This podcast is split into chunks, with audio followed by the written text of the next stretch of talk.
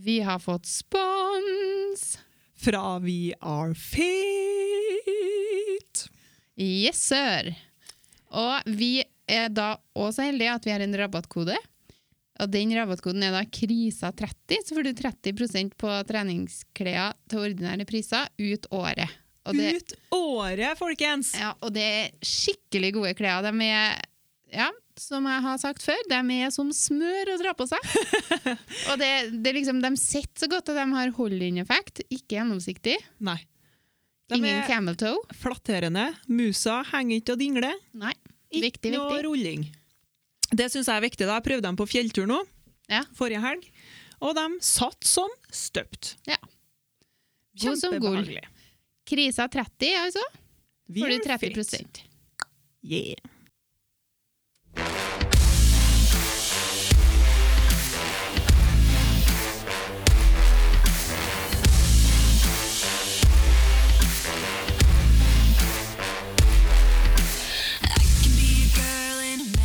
hei, og velkommen til 30-årskrisa med Monica og Agnete.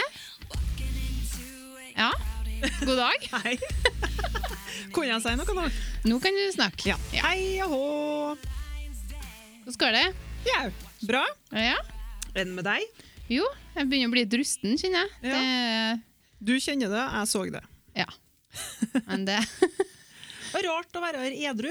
Ja, veldig. Kanskje vi må begynne med boblefredag nå, hver gang vi skal podde. Ja. Det kan jo at det går bra, det, er det så sjelden vi podder. Ja, det går sikkert helt fint, det. ja, Ja, hvordan går det? jo, det går bra. Ehm, ja. Enn med deg? Jo, supert. Du har nå vært på farten. Ja, jeg har vært ute og fløyet. Guri meg. Hvordan gikk det, det? Nei, eh, det gikk egentlig så som så. Eller det gikk noe godt. Jeg landa nå. Jeg er her. Men uh, for det første så har jeg jo uh, flyskrekk, Ja. som jeg egentlig ikke visste om før jeg ble, fikk unger. Nei. Og så har jeg mm, Altså, jeg er jo ikke så veldig glad i Når det blir mye folk, da blir jeg litt stressa i utgangspunktet. Og så har vi covid oppå det der, da. Ja. Ja. Så da ja, Alt er tilrettelagt for en fin eh, flytur. kom på Værnes og tenkte jeg, herregud, det her er det verste jeg har vært med på. For jeg prøver å gå langt unna folk. Jeg skal stå to-tre meter, jeg da, selvfølgelig. Mm. Og så går jeg og helt i alt jeg har, og passer på at jeg ikke er borti noe. Er jeg borti noe, så må jeg nå sprite meg, og så skal jeg nå finne ut For det er mange år siden jeg har vært ute og fløyet, og jeg har aldri fløyet alene. Jeg får sånn bilde av hun vet du, eh, som er så kjent. Jeg husker ikke på, Det er noe sånn tegnefilmgreier. Det er en sånn gammel tante som går med veska si. Sånn, Ja, det er meg, det. ja, det er faktisk deg, ja. Jeg husker ikke på hvor hun heter. Tante Monica, sikkert. Ja, sikkert. I hvert fall da, så fant jeg noen bagasjelappegreiene, for det har jeg drilla på forhånd. Finn de automatene og få ut den lappen, og så har du boardingkortet på telefonen. da. Det er jo kjempegreit. Mm. Hvor mange lapper tok du deg? Én? Tok du bare én, du? Skal jeg ta mange? Nei. Og det var en gjeng på charterfeber. vet du. Når de skulle ferde, så tok de, hvis bagasjen var 15 kilo, så tok de 15 lapper. Du gjorde ikke det? Nei, jeg gjorde ikke det. og, så, um, ja, og så var det inn i den bagasjekontrollen der, da. Og ja, det var meg med en fem-seks brett. Jeg vet, altså, jeg la iPaden igjen, og dataen igjen, og telefonen igjen. Det var så gærent styr. og så når jeg skulle tilbake, da, så var det jo Gardermoen jeg skulle inn på. Sant? For når jeg kom dit, så var det bare inn på Gardermoen og ut. Ja. Det er jo kjempeenkelt. Men når jeg skulle tilbake, vet du, jeg hadde så gærent panikk. Jeg. jeg satt med sneppveska sånn. Ja. sånn som Jeg du det på Så jeg og så fant jeg en plass, for det, det er jo trangt når det er ett sete som skal være ledig imellom, så er det jo ikke mange plasser heller. Og så satt jeg liksom på ene sida, og så lå det en, en halvspist sjokolade som noen bare kasta fra seg rett ved sida av der jeg satt. Da. Så jeg, og så på andre sida så satt det to indiske, og så tenkte jeg ja. Jeg satt der, jeg pusta nesten ikke. og det var én time til flyet gikk, så jeg holdt på å gikk i bakkene. Og så har folk det så travelt. de skal skynde seg, og de har det så travet når flyet lander. Ja. Og så sier de det, da går det ut, første rekka går ut først, andre rekka etterpå. Det er utrolig enkelt, Ja. men nei. Det er ikke sånn, vet du. Nei da, de bakerst ut. begynner liksom å surre fremover, sant? Mm. Jeg, jeg, jeg var litt frustrert over folk. Da sto du her med sneppveska di da Ja, da sto med sneppveska mi.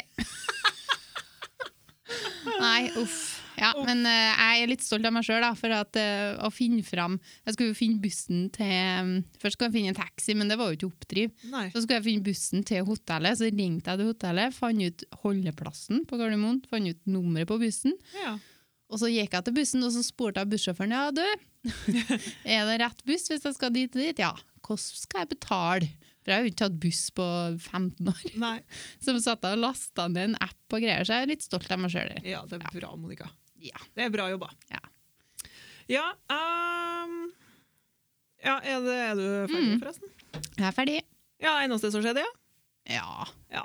Det er jo ikke så lenge siden vi snakka i lag. Nei. Og jeg har egentlig bare arbeid. Ja. Det har egentlig ikke skjedd en ting. Nei. Da har jeg tatt uh, dermapenn da, igjen. Jeg vet ikke om jeg snakka om det sist. Uh, nei. Nei, Men det er i hvert fall sånn hudfornyelse, nål, tjo og hei i trynet. Ja. Og det var tredje gangen jeg tok det nå. Tok det om eh, tirsdagen, tror jeg. Så jeg er på å gror nå, da. Okay. Men gangen her da, så fikk jeg blodutredelser på hele nesen og attmed øyenbryn og greier. da. Så ganske mange nå, så tror jeg jeg har fått juling. Men det jeg bedte meg merke i, da, at jeg tror egentlig at det her bare er lureri. Mm. For det virker sånn at hver gang jeg har tatt det nå, så blir rønkene i panna mi bare stør og stør og stør. Og det tenker jeg nå at det er jo et kjempetriks, Ja. hvis det er sånn de har laga det. Ja. For da føler kanskje jeg at jeg må ta det enda mer. Ja. Det syns jeg absolutt du skal. Ja, du syns, For de er så store, ja? Nei, jeg har ikke noe trua på sånt. Nei, jeg veit ikke. jeg. Men øhm, vi får nå se, da. Ja. Heller fortsatt på Gror, da. Du er nå så fin og fjong. Ja, veldig fin. Mm. Mm. Nedslige og jævlig. Nei da. Nei, utenom det da, så har det ikke skjedd så mye. Men det er én ting som var litt merkelig, som har skjedd de siste ukene her. Ja. For nå har vi jo hatt en periode der det har vært så forferdelig fint vær. Mm. Eh, og så har vi kjempefin badestrand ute i Kjørsvikbugen. Ledalsvatnet. Mm. Har du vært her? Nei. Rett eh, på andre sida av butikken. Nei, det, jo, du har tatt meg med dit én gang, tror jeg. Ja, kanskje. Ja, Mm. Men i hvert fall der er det kjempefint. Oppordna sandstrand og tjo og hei, og der kommer jo alle fra bygda, ikke sant? Samles jo der. Så barnefamilier, unger, overalt. Det er bare det som er der. Ja. Og det var det når jeg var der òg nå sist. Men så er det stans på Tjeldbergodden. Ja. og det betyr at det er fullt av andre folk i bygda. Ja. Eh, så når vi kom dit da, og skulle bade, da, eh, så satt det en gjeng, ganske voksen, kanskje mellom 25, 30, 35, Ja. satt de på en benk midt i eh, familieidyllen der, ikke sant? Mm. Og røyka og drakk og var nesten naken. ja. Nesten naken. Ja, altså, jeg hadde på seg en tights, og den var nå helt gjennomsiktig. Så Ja. så uh, G-strengen. og jeg var nesten naken oppå et berg der, Ja. med full rockemusikk på. og det var bare en sånn røyksky rundt dem. Ja. Helt rart. Ja. Mens det sprang unger og kosa seg og bada, så satt de der og festa. Herregud, det er jo merkelige greier. Jeg syns det var så rart. Ja. Men da, da syns jeg at det er rart fordi at jeg var der med ungene mine sjøl, Mm. og fordi at jeg er mamma. Ja. Jeg lurer på om jeg tenkte det samme hvis jeg ikke hadde vært mamma. For Ja, det spørs litt på alder, tror jeg. ikke være det, tenker jeg. Nei. Forelder. Eller, for det var helt sykt rart. Og så var det ei som for ut og skulle bade med sideren sin Ja. og G-strengen sin på steinene attmed der ungene var. Satt ifra seg sideren der, da, ikke sant? og det bare plaska og spruta med unger allstand. Der skulle hun plaske litt. Nei, det er det rareste jeg har sett Ja. på lenge. Det tror jeg. Ja. Det skjer nå ikke så mye for tida. Nei. Nei. Men nå, vi har med oss en gjest i dag, Ja, det har vi faktisk. og det har vi gleda oss til. Du-du-du-du. Ja, Mari. Hvem kan det være? Mari på safari! Eh, lykketrollet. Ja. Lykketrollet fra Valsefjord. ja. Og nå er det, var det ett og et halvt år siden du var her? Hva det vi fant ut? Februar. Ja. Vi lurte på om det var vi som starta hele korona, for vi møttes starten av februar. ja, faktisk. Og da brøyt hele Norge ned. ja. Så det kan hende at det var noe der. Jeg har sleika litt på denne mikrofonen til Monica nå. og Jeg visste ikke at Monica hadde koronaskrekk, så det var bra jeg gjorde det for å komme. Og Monica er jo skrekk for alt. Om sånn, det ikke har vært korona, så har hun vært redd likevel. Ja. Jeg er jo Jeg holdt jo på ja, men, Jeg holdt jo på å dysse ned bakteriefobien min før korona kom, så nå måtte jeg liksom bare pumpe den litt opp igjen. Ja. Ja, men så det er noe balanse der, Den da. er og til stede. Ja, for verden. Jeg er ti skritt foran korona, så det er godt innøvd. Har ikke, vi, jeg og Monica vet du, var jo i Syden. Jeg vet ikke om jeg har fortalt det før, men det har jeg helt sikkert gjort. Ja, For på jentetur. Når da? Hvor lenge Eh, siden? ja, det er lenge siden. 20... Ja. Nei, 2000 og... Eh, det var før. Astrid ble født. Ja, kanskje 9-10 eller noe sånt. ja. Mm. Ja, Det er i hvert fall ganske lenge siden. da. Var i vekka, bare jenter. Drikking fra morgen til kveld. Ja. Tjo og hei. Men så for hun jeg valsa, og så styra og ordna, så tror jeg jeg holdt i veska til Monica en gang. Og så skulle jeg gjerne, og så satte jeg henne på bakkene. Satt du den veska mi på bakkene?! Ja, jeg var sånn Det det, er bakterier! Du var nå mye verre før, da. Jeg var kanskje det. Ja, det var du. Da ble du oppriktig Du ble irritert, da. Jeg ble over det. Ja, for det mente du helt seriøst. Og så for folk og gikk Altså, dem vi var på tur med, noen for og gikk uten sko. Altså barbeint på mm. gata. Så tenkte jeg, men enn hvis du traker på en sprøytespiss? Hva gjør du da? Jeg hører da får du hive. med dere på sånn utdanningsreise når man blir forskrekka av damer i G-streng på Kjørsvikbugen og vesker som settes ned. Du, det Da er er det på tide at dere blir med til Australia og Afrika. tror jeg. Ja, det tror jeg, men det er ikke dagligdags det, da. Ute i buja. Nei, det er kanskje ikke. Ute i buja, Ja, men også bare hele settinga med alle kidsa, liksom. Ja. Det var det som var så rart. Var det på dagtid, da? Ja, Ja. Hadde jo vært på kvelden, ikke sant, og kanskje ikke vært så tett med, med barnefamilier der, så hadde det jo vært litt mer naturlig, kanskje. Mm. Men bare hele settinga syns jeg var helt rar. Det foregår på bygget. Ja. Ja, det er der vi må fære. Ja. ja. Enn du, Marie, hva har skjedd med deg siden sist? Jævlig mye. Where to start? Ja, det er sånn jeg, Til oss er det sånn Ja, det har ikke skjedd mye, det er noe vanlig. Så Ja, det har skjedd mye spennende ting, da. Det er bare at eh, ja, det har vært mye livsendringer, da, kanskje. Ja. Ja, Nå har det, nå, det har nå skjedd mer nå. Eller eh, bare til oss har nå bare gått noen vekker nå, faktisk, siden vi snakka i lag. Mm. Og du har vært ikke her siden ikke Ett og et halvt år siden. Ja, Ja. det er kjempelenge siden, det. ja, det er dritlenge siden. Ja. Så litt har skjedd, ja. Jeg har blitt eh, samboerløs, da, blant annet. Det har nå skjedd. Mm. Har ikke sett kjæresten på et år snart. Ja, det er jo helt sykt. Mm. Oh. Rart. Ja. Men det har gått egentlig fort òg. Ja. Men det er jo sikkert eh, takket være altså det var FaceTime. Du har jo så mye På Facebook nå så kan du se samme dokumentar, f.eks. Mm. Og så pauser du, og så kan du diskutere den underveis, og så starter du den. Altså Du deler skjermen, da. Så ser du et lille hode hans oppi hjørnet. da, Han ser det samme i retur. da. ja. Og så tror jeg det er noe med at uh, i og med at vi vet at det er korona, så um, vet du at du ikke kan treffes, på en måte. Ja. Så da er ikke så ille. Da har du ikke noe annet Nei, da er det noe Nei, sånn. det er sånn det er, på en måte. Ja. Mm. Så da går det ikke an å legge seg ned og skrike. Eller jeg, jeg, jeg, jeg savner jo ikke folk. Jeg er sånn sånn Ice Queen på det, tillater ikke meg å savne folk, men så han kan jo gråte en liten skvett da, Ja. på en fredagskveld hvis han er ensom. Ja. Men så er jeg litt sånn, nei, sånn er ikke jeg bygd. Nei. Så jeg har det bedre enn han. da. ja, men jeg har ikke savna han i det hele tatt, skal du si. Jo, men ikke sånn som kanskje dere hadde kommet til å savne partnere. da. Nei. Nei. Men tror du, eller jeg tror at hvis, det har vært, hvis jeg har vært i den situasjonen, så har jeg kanskje vært litt sånn jeg òg. At jeg bare har Og så kanskje du kjenner litt på det, da. Når du møter den igjen nå. Ja, Kanskje ja det gleder jeg meg hva til. mye du har savna Ja, da. det, det kan hende. Og så er det koselig å ligge igjen med noen. Altså, jeg er jo veldig sånn klengete.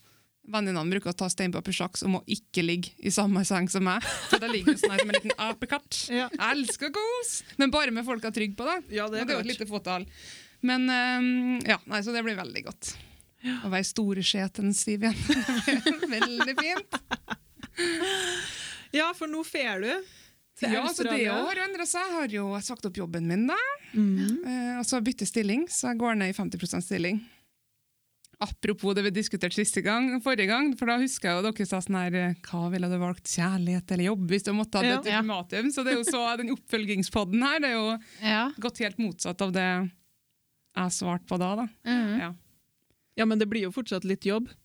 ja, det blir jo det. Takk Gud for det. Jeg er jo Mm. veldig arbeidsglad. Ja. Det er liksom ja, En stor del av livet mitt er jobb, for det er hobbyen min nå. da. Mm. Så det blir 50% som kommunikasjonssjef. Ja. Så da får jeg bruke styrkene mine der, og så Mm. får jeg bruke litt mer tid på egne prosjekt. Ja. Mm. Det gleder jeg meg til. Ja. Ja. Det blir skikkelig spennende. Herregud. Ja, det blir det. Ja. Så da blir det, Jeg har booka meg billett, men jeg tør nesten ikke å si når det er, for jeg tror ikke jeg kommer til å se på den datoen. Men det er i slutten av august. da. Ja. Men så kommer det jo an på koronavaksiner. Ja. Det er lurt å bli vaksinert før du drar. Mm. For det er jo veldig lite smitte i Australia. Ja. Men risikoen for å bli smitta er jo på selve reisa. Ja, apropos fly. Ja. Sitte og puste samme lufta. De har sånn HEPA-filter og sånn på fly, så det, det er ingen plass jeg føler meg så trygg som på flyet. Det er veldig lite smitte på selve flyet. Men det er jo klart, du skal jo reise ganske mange flere timer. Jeg reiste jo Ja. én time. ja. Jeg måtte fly litt når jeg hørte den seansen ditt på Gardermoen. Så jeg tenkte jeg blir med meg til Dubai, du jenta mi. Å nei, du! Dæven! Da kommer kondomdrakt. Vet du om, om jeg har fått en gratis tur til Dubai eller Australia, for den jeg har ikke forrige. Nei. Nei. Ikke etter korona, eller? Jeg hadde ikke forrige til Dubai, for det er noe, det er noe litt shady land, ikke sant? Jo, men jeg er jo redd for alle andre som ikke er Norge. Å, du er så koselig. Jeg skulle ønske jeg var mer som deg. Nei, det Det tror ikke jeg ikke du skulle. Jo. Ja, men jeg tenker jo det om det, at jeg skulle ønske at jeg kunne, sånn som når jeg for og vasa på Gardermoen, jeg kunne ønske jeg må bare prøve å pushe grensene mine litt. Mm. Men For det er jo ikke det. sunt. Ja, jeg gjorde Så det. det er jo det som er fint, med alt du fikk til sjøl. Ja. Ja, men det jeg sitter igjen med, er at neste gang skal jeg kjøre bil. Ja, ikke sant? Det ga deg ikke noe mersmak da, med den mestringsfølelsen og Jo, da. jo lite grann. Ja, Men eh, ja, så det så får du jo ikke smaken på det det. sjøl. ja. Ja. ja, det var akkurat det. Men sant, man har jo en annen risiko når man kjører fly enn når man kjører bil. Ja, ja, ja. For da er du alene. Sånn i forhold til covid, tenker jeg da. Du er så gæren på risikoanalyse. Men drev du og sprita og sånn hender og tær og hele greia før korona òg? Nei. Nei. Eh, eller når jeg jobba på, på helsesenter, da, så gjorde jeg jo det. Sånn jobbsammenheng, men ikke noe sånn ellers, nei. Nei. Brukt, det var helt fra, jeg brukte ikke munnbind og sånn, nei. Det sånn her, sånn noen har sånn her hel Med maske. sånn Ja. sier og sånn, ja. Det er bare sånn det har skjedd, Monica. Helt til vi må kikke. Nei, nå må ikke dere male meg verre enn jeg er. Altså. Nei da, tuller bare med deg. Ja. Nei, men eh, Mari, Mm. siden du nå skal dra til Australia snart, da, så må vi jo ha en liten test. Skal dere det? Ja, Er det en quiz? it's a quiz. Quiz. Agnete er sånn quizmaster. Ja, jeg syns det er så artig. jeg. Og så skjønner jeg som regel ikke en dritt av å teste. Men det er i hvert fall ukens quiz her, da. Det er Ok, ok, Australia. okay, Test dine kunnskaper. Seriøst? Ja, Så kult. OK. Minst 28 menneskeliv har gått tapt i brannene i Australia. Hvor mange dyr har mistet livet ifølge de mer pessimistiske anslagene? Det er over en million, i hvert fall. Over en million, over 100 millioner, over en milliard. Oh, det er enten midten eller, eller siste. Over 100 millioner. Ja, jeg tror jeg går for B. Eller er det Å nei! pessimistene er de på en milliard? Men Nei. du, nå kommer det faktisk ikke opp uh, rett. Svarene. Og da var quizen til Agnete ferdig. Takk for i dag. Ja, men du, Vi bare går gjennom, for kanskje vi får se det til slutt. ja. Ok, Ok. Ja, det gjør vi helt sikkert. jeg vet ikke. Ja, det håper jeg nå, hvis ikke det blir noe jævla bortkasta av quizen her. Men Teknologitrollet ikke. Agnete. Jeg vet ikke helt det. Begynner å utdateres hele tida, tror jeg. Men hvor fant du den quizen hen? Sol.no? Eh, Bistandsaktuelt. Du må faktasjekke hvor du finner ting. Nei, men det her er noe aktuelt, det hører du. Ja da. Ja, neste spørsmål. Ja. Fordi så flir folk. ja, nå er jeg klar. Eh, målt i berørt areal er de pågående brannene de største som noensinne er målt, de største siden 1974. Ikke mye større enn vanlig, men har rammet spesielt sårbare områder. Ah, herregud, for noen spørsmål. Bare om brann. Jeg trodde det var litt sånn didgeridoo og sånne Ja, men det kan jo hende at det blir det. da. Det er De meget varmer, opp, der. Husk de varmer opp litt med brann. Nå har jeg glemt hva alternativet var. De største som noensinne er målt, de største siden 1974, ikke mye større enn vanlig, men har rammet spesielt sårbare områder. De har jo utrolig mye skogbranner hvert år, da. Um, kanskje 1974, da? Og For alle vet da nå, da, vet du. Australia er verdens største land, verdens nest største land, verdens sjette største land. Å, herregud, meg og geografi! Altså, Jeg trodde jo Afrika var et land, helt der resten av Afrika. Ja. Og de vet hvilket land var det? Nei, det var i Afrika. I, i Sør-Afrika, i Afrika. Så ja. Mm. Så der ser dere nivået på Vestad. da. Ja, men sånn er jeg litt. Ja. Han Markus vet du, hadde jo hatt sånn geografitest her. Så tok han det med hjem til meg, så skulle han spørre meg om hovedstadene og sånn. Alle stedene. Ja. Klarte mest å bære Oslo. Stockholm, da? Ja, det klarte jeg, Ja, da. det klarte. Har To. Herregud, mamma. Jeg er flirer, litt men jeg vet bare. Oslo òg. Ja, men det er litt farlig, for vi googler alt, vet du. Du Ja. memoriserer ikke sånn som man gjorde på skolen før. Nei. Nei, Russland er jo jævlig svært, da. Hva var alternativet? Verden, eh, verdens største, verdens nest største, verdens sjette største. Da tipper jeg nest største. Etter Russland. Ja, for Russland er jo enormt. Ja. Ja. Og da tenker jeg, Hvilket andre land er det som er på størrelsen her? Da kommer jeg ikke på noe. Nei. Nei, vi går for nest største. største. Eh, hva heter hovedstaden i Australia? Eh, Canberra. Det er sikkert rett. ja, det står det i hvert fall her. Faktasjekka drømmer har ikke peiling. Eh, Elisabeth, den andre, drøm, er dronning av Australia. Men hvem er hennes representant på australsk jord? Hæ? Statsministeren, da, sikkert. Generalguvernøren, presidenten, statsministeren. Statsministeren, tipper jeg. Den australske urbefolkningen har bebodd landet siden forhistorisk tid, i minst 65 000 år. Når kom de første dokumenterte europeerne dit? 1600-tallet, 1700-tallet, 1800-tallet. Det verste er at du tenker Tror du at du vet det? Å, herregud! prøver du å Altså, at de snakker om? James Cook hele tida, da. Mm. Um. Um. Jeg tipper 1700-tallet. Dæven, jeg vet ikke om jeg forsto spørsmålet engang. Time out, kan jeg ringe en venn? Stig! Tasmania er en delstat, en øy, begge deler. Begge deler.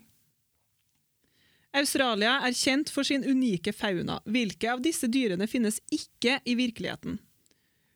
Kokaburra, nedfallsbjørn, tasmansk djevel. Nedfallsbjørn. Drop air.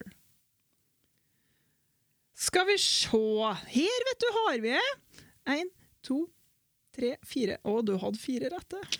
Av Åtte. Å ja. 50-50! Woohoo! Den Ja, tar det jeg. var ikke så verst, det. Men, men eh, altså, på land, da. Vi kan ta det, da. Det er verdens sjette største land. Dæven, da er vi dårlige. Vi som trodde nei, det må være størst, i hvert fall nest størst.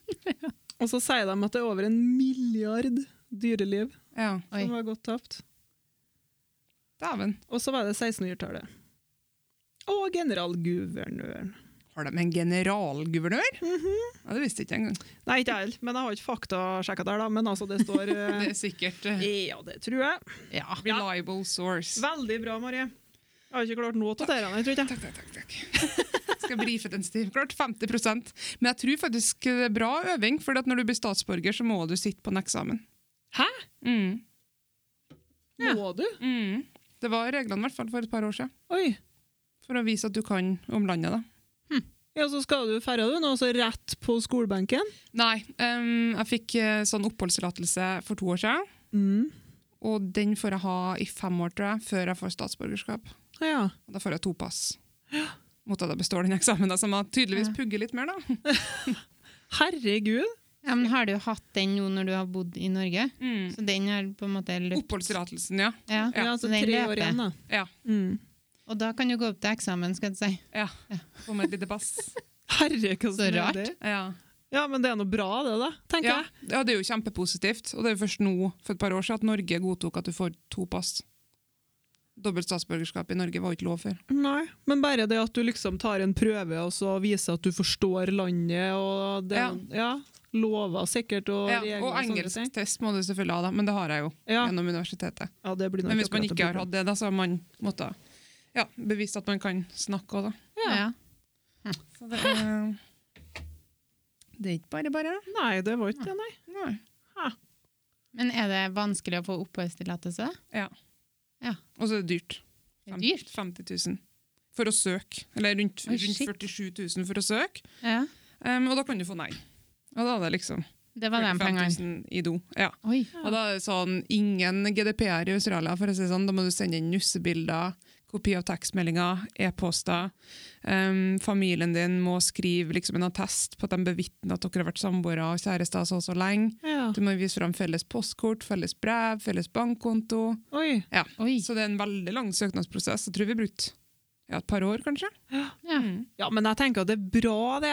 Så ikke hvem som helst bare Ja, komme. du får ikke det green card at du gifter deg for å få inn, på en Nei. måte, at du gjør det for å være snill med noen Ikke som sant? søker lykken. da. Ja. Men du har jo en border control Altså TV-serien Grensevakta, Ja. sant? og det er jo litt sånn Det er faen meg ikke noe tull, altså. Men der, de tar med seg så mye rart, da. Herregud. De har jo med seg høner. Levende høner. Altså, har det er så med mye rart mat de drar opp av sekken sin. Ja. Har dere kryssa av skjema? Ja, ja, ja, ja, ja! Og mat på mat på mat drar de ut. Nå kom jeg på noe. Jeg skulle, Apropos høne. nei, ja, apropos mat. Ja. Jeg hadde ikke med meg noe høne på Gardermoen, men jeg, skulle, jeg var stressa, så skulle jeg liksom bare hive på det jeg hadde på dere bretta. Og så ble jeg stoppa i kontroll. Så de tok til side sekken så sa du har en yoghurt oppi her. Og jeg bare Og da var du da unnskyld, unnskyld. var det høy puls. Dritstressa. Så jeg, ja, det har jeg glemt, ja. Beklager. Og så begynte jeg å sveipe med sånn greier, sikkert sånn narkogreier. Ja, det er det, ja. For dem som har med seg mat, har jo som regel med seg narko. tydeligvis. Selvfølgelig. I hvert fall hvis det er yoghurt. Munchies, ja. Verste sorten er yoghurt. Ja, fy Så jeg følte meg som den kriminelle. Herregud. Jeg gikk godt og spurte om jeg ville gå ut og ete den, eller om jeg ville kaste den. Da sa jeg Ja. ja, vi kaster den. vi. Herregud, det var så sykt artig! Jeg går ut og Vet den. du, Jeg går ikke gjennom det der en gang til. Jeg tenkte jeg skulle si kast den før jeg Kommer tilbake snart. Nei, så det var nå min kriminelle handling. Skikkelig bad girl, var det ikke? Faen meg en villbasse. Verst at jeg hadde en troika her òg, men det tok hun ikke. Og så sa du det ikke! Nei, jeg glemte å ta det. Unnskyld, unnskyld, jeg har en troika òg! Ja, Ja, men- tilbake. På flyturen dit så hadde jeg jo med meg, hadde med meg nettbrett og jobbtelefon som jeg la oppi sekken oppi der. Og så var jeg jo helt innerst på raden, så når de begynte å snakke over høyttaleren ja, må slå av elektroniske ditten og datten, så begynte jeg å se meg rundt. Men jeg kan ikke begynne å bryte meg opp her nå for å prøve å slå av iPaden min og telefon. Så sendte jeg melding til Stig. Jeg bare Du styrter flyet nå hvis jeg ikke slår av her. Ja, jeg veit da, søren. Det var et eller annet sånn jeg fikk, og så tenkte jeg OK, jeg tar sjansen, jeg tar sjansen. Oh, ja. Nervøs i 50 Livredd, men du tok sjansen på at Ja. du kan bryte signaler! Ja, for jeg det er jo mye mer hvis vi skal begynne å reise oss opp og begynne å ruske opp alle bakteriene, og så begynne å styre med det. Så jeg tenkte jeg sitter, jeg sitter. Du, da er hun redd for bakterier altså, når det kommer for, foran flystyrt. Det er ganske alvorlig! Fy faen! det var ikke Plutselig er oksygenmaska kommet, og du bare shit. Ja, jeg har ikke hatt på den heller, vet du. Du måtte ha på seg hansker. da. Ja, Hvis det er noen som trenger hjelp på det flyet, så ikke se på meg. Ja, du har da vel sånn mask? Hæ? Sånn uh, engangsmask så du kan legge over dem? Ja, ja, det, Det må du nå ha med. Nei da. Det er mest bare tull det her, da. For det, det var litt latskap, og jeg gidda ikke å begynne å styre. Det er ganske mye styr når du sitter innerst og skal du begynne å sjosje opp alle andre. Hvis det ja. Nei, jeg veit ikke. Men satt, du, altså, satt man tre og tre? Satt man så tett? Nei, vi satt bare Det var på én, da. Det det, det der er var så noe. dårlig unnskyldning for at den bakterien var skummel. Huff, nei, det var kjølemye styr, alle folket. var fullt fly. Nei, det var ikke det. Nei, Nei, men det var, altså, jeg har, det var ikke på grunn av bakterier, nei. Du gidda ikke. Nei, det Du var tok litt mye faktisk styr. sjansen på at flyet styrta. Og så følte jeg liksom, altså, Hvis du er den ene når flyet skal til å lette, og så skal du liksom ja, nå, reis deg opp når jeg skal være og slå av iPaden min. Og, og så vet jeg, jeg får aldri til å slå av iPaden, for det er to knapper du må trykke inn samtidig. Det er avansert. Og så begynner jeg alltid med den ene, og så står jeg her og ser at nei, det går jo ikke, så må jeg begynne med den. Nei, det var ikke den. Og så tar jeg nesten, og så ja, da gikk det. Så det har kommet til å ta veldig lang tid, men vi styrta jo ikke, da. Nei, dere gjorde da. Heldigvis ikke. Jeg fikk jo diaré på tur hjem fra Thailand. Og det var, du vet at de stenger jo toalettene Ja. når du letter. Og det gikk ikke an. vet du. Jeg har vært og spist Thailand street food. Jeg, vet du. nei. Alle bare, du, må, du trenger ikke å spise gatemat liksom, når du er nordmann. Jeg bare, men det er jo Halve kulinariske opplevelsen er å spise gatemat. Det var duelever, og det var frosker, det var ikke Å, måte på. Og jeg er veldig glad i, sånn, i innvollmat. Det er liksom favoritten min. For Nei, en da god du gi lever. deg. Men Det er alle typer leverer. Ja. Ja, lever kan jeg ete til nød sånn, men eh, froskelår og, Og Spiser du det? Snacks. Ja, spiser alt, egentlig. Ja, Spiser du froskelår? Ja. Ja, ja, ja. Gnagd på litt froskebein? ja. Hva smaker det? Nei, det smaker, De har jo alt mulig deilige sauser. da. Og så er det trikset å gå der lokale drar. Da Ja, vi bodde i akkurat Bali, det. så får vi liksom på den streetfooden der du ser at alle lokale sitter attmed. Ja. Så jeg trodde det kom til å gå godt, Ja. men det gjorde ikke vet du. Nei. Å, hadde slutt, Å, fy faen. Og det, de, de, de tok jo av til slutt, jeg satt nå der, da. Dirra, sant, ja, og altfor overalt. Stakkar. Ja, fikk du, du fikk noe Ja, du satt på do, da? Ja. Ja, Nei, altså, jeg, må, da, jeg måtte springe, og de bare skjønte at her er det krise, liksom. ja for jeg har ei venninne. Hun ble dårlig på tur hjem fra Thailand. Og da stengte de av, sånn at hun fikk det doet. Ja. Ja. Og det var jo snilt, da. Ja, men hva er alternativet, Ja, men, men det er akkurat det, for jeg tenker sånn, Hvis de da har flyruta tur-retur Thailand, så er det ikke første gangen de har opplevd den type magesjau. da. Og så kommer det jo så Det går jo ikke an å holde igjen. Nei, det hvor går mye knipemuskler du har, så er det jo sånn her lava, vet du. Ja, Mm. Det er jo full vulkanutbrunn. vulkanutbrudd. Ja, det går ikke an, nei. Herregud. Men tenk deg da, hvis det hadde vært flere på flyet som har diaré, da. Mm. Da har jeg kommet til å knokka den andre personen rett ned, ja, for jeg skulle faen ikke ha bæsja meg ut. Nei, jeg skulle ha dassen sjøl. Og du har ikke skifteklær heller, vet du. Du får sikkert bruke de flyvertinnene sine ting. da. Ja, At de har noe skifte, eller For bagasjen er jo under flyet. Ja, den er jo det. Bagasjerommet. Å, herregud, for et mareritt. Sånn kan ikke jeg tenke Nei, det, nå er ingen av oss som tør å fly noe mer. For et angst og sånt. Alle er med i klubben Det- til Monica, kjører bil overalt.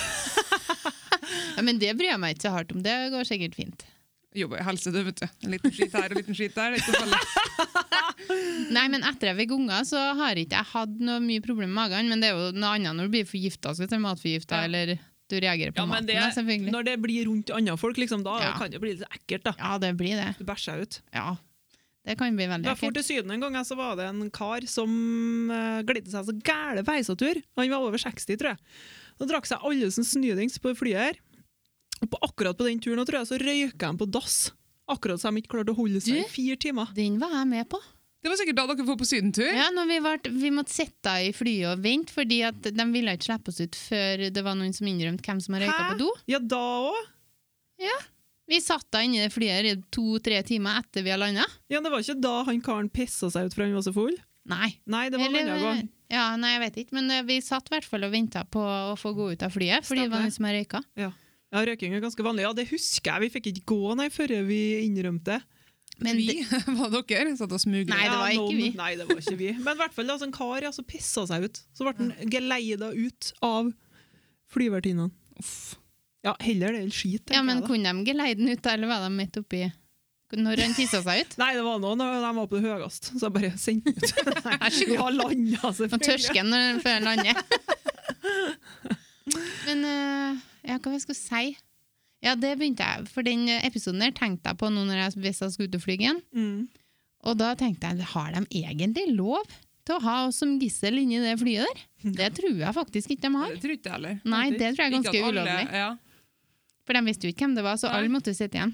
Og så kan det jo gå på bekostning hvis man har booka buss eller whatever. da. Mm. Ja.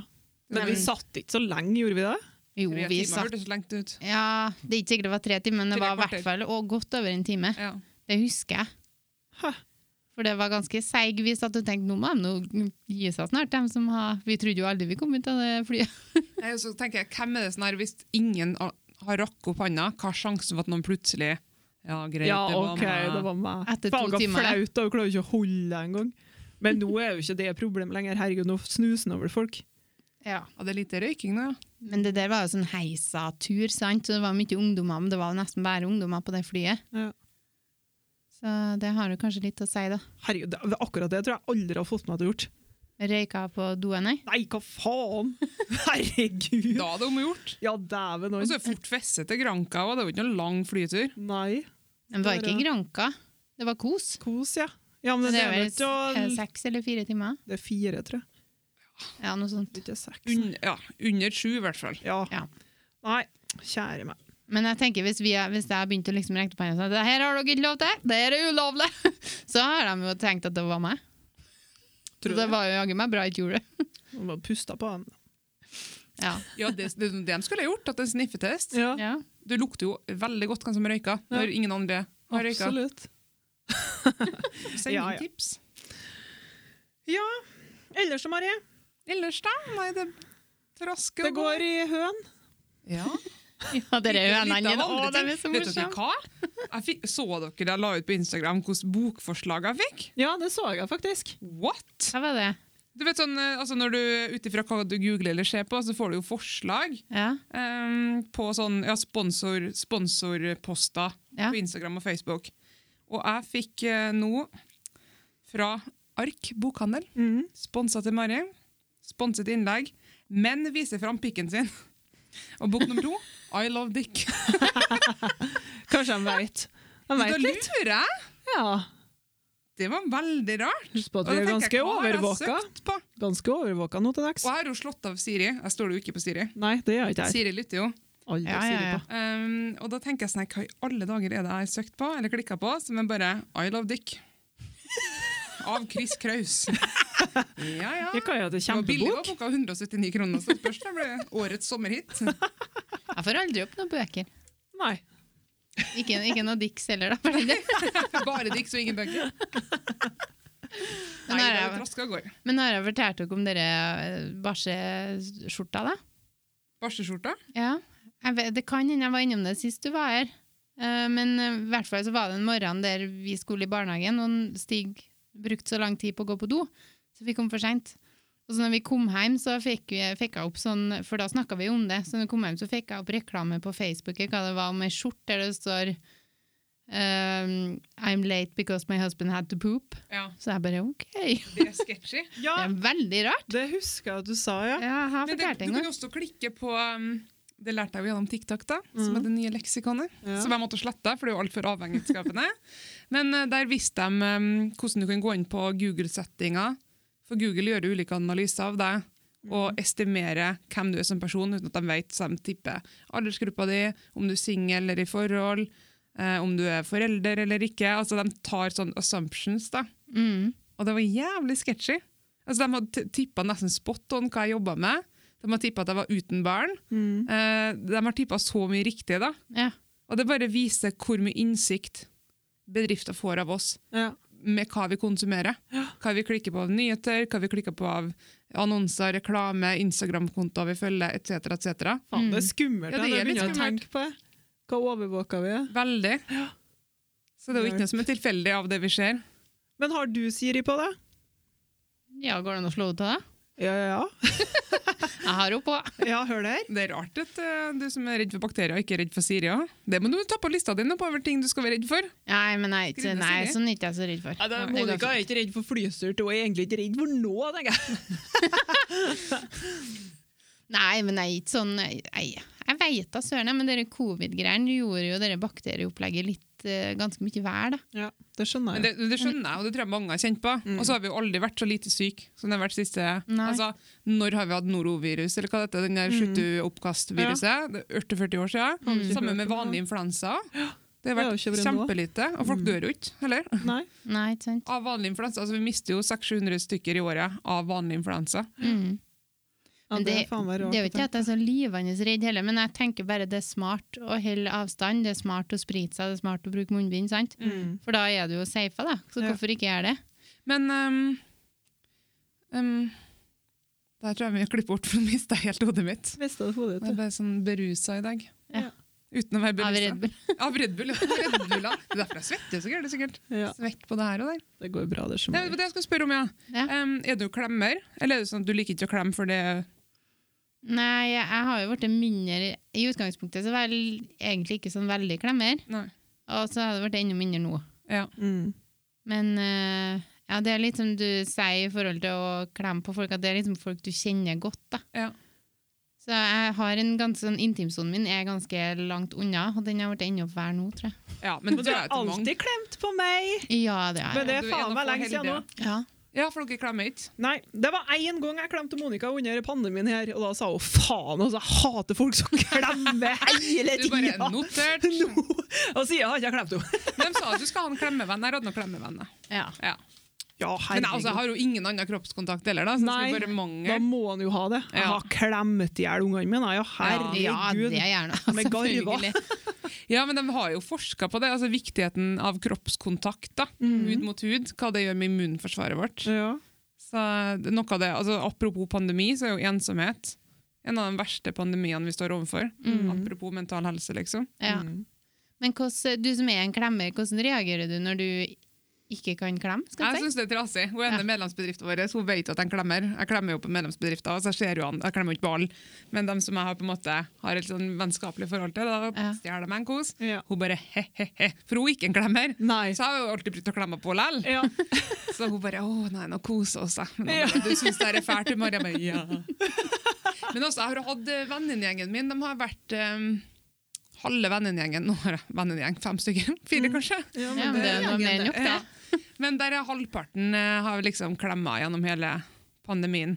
Og så har jeg hatt eh, ligget over til denne tanteungen min sånn ukentlig. Når jeg drar på DPS-en, så bruker jeg ligge over til henne. For jeg bruker ofte morgentimer der. da. Mm. Så jeg har jo hatt noe kroppskontakt. da. Ja. Ja. Ja, men det er viktig, det. Mm. Da kjenner at han lever. Ja, de små tantebarna, det er jo umulig å snu seg Ja. når du får en liten seksåring springende mot Ja. deg. Da kan du bare Nei, pandemi! Eller jeg har ikke, altså skjønner, jeg respekterer dem som gjør det, selvfølgelig. Ja. Um, skulle ha kanskje vært mer forsiktig der, men det har liksom vært det samme tantebarna og søsknene vi har møtt gjennom hele tida. Ja. Mm. ja, men da er det noe safe. Ja. Men apropos DPS, da, jeg vet ikke om du har lyst til å snakke om det? Jo, jo, jeg er jo kjempeåpen på sosiale Ja, medier. ja, du er det. Men det er det jeg lurer på, liksom, nå når du drar til Australia og sånn, Ja. hvordan blir det da? Nei, jeg hadde håpa at jeg fikk fortsatt i behandlinga mi, for jeg går i traumebehandling. Mm. Um, for øyeblikket så er jeg på sånn 20 ukers kurs, og Mm. det høres ut som det er fort vesse, men så bruker jeg å få migrene Ja. når jeg ikke jobber. For det er jo høyspenning. Min forsvarsmekanisme er jo å ha ting å gjøre 24-7. Mm. Og det er jo perfekt å være daglig leder, Ja, fordi at jeg er aldri ferdig med gjøremålslista mi. Så jeg kan jo jobbe meg sjøl til døde. Ja. Um, og da, hvis jeg har da fri eller muligheten til å sove én time ekstra, så bruker migrene å slå inn. Ja. Så nå hadde jeg migrene to uker på rad, når jeg skulle egentlig på DPS-en, og jeg spyr. da. Altså Ja. Jeg blir ordentlig, kan ikke kjøre bil. Ligger bare rundt skåla. Um, så da, og så ble hun, Behandleren min ble dårlig en gang, og så måtte vi flytte, for det skjedde noe annet krisegreier på DPS-en. Og da har jeg plutselig gått glipp av fire uker. Ja. Så 20 uker går seint. Mm. Og så skal jeg jo ikke melde flytting. Jeg skal jo bare være midlertidig i Australia. Det er Ja. under et år. Jeg er norsk jobb, skatter til Norge, betaler folketrygd. Så jeg hadde jo virkelig håpa på at jeg kunne fortsette behandlinga digitalt. Ja. For mange av DPS-pasienter nå vi har måttet ha digitale møter pga. smittetrykket i Trondheim. Da. Mm. Men eh, det fikk ikke jeg lov til. Nei. Og da tenkte jeg sånn her, hvis de sier nei, skal jeg klage. Men så sa de noe som jeg ikke har tenkt over, det at de har pasientansvar.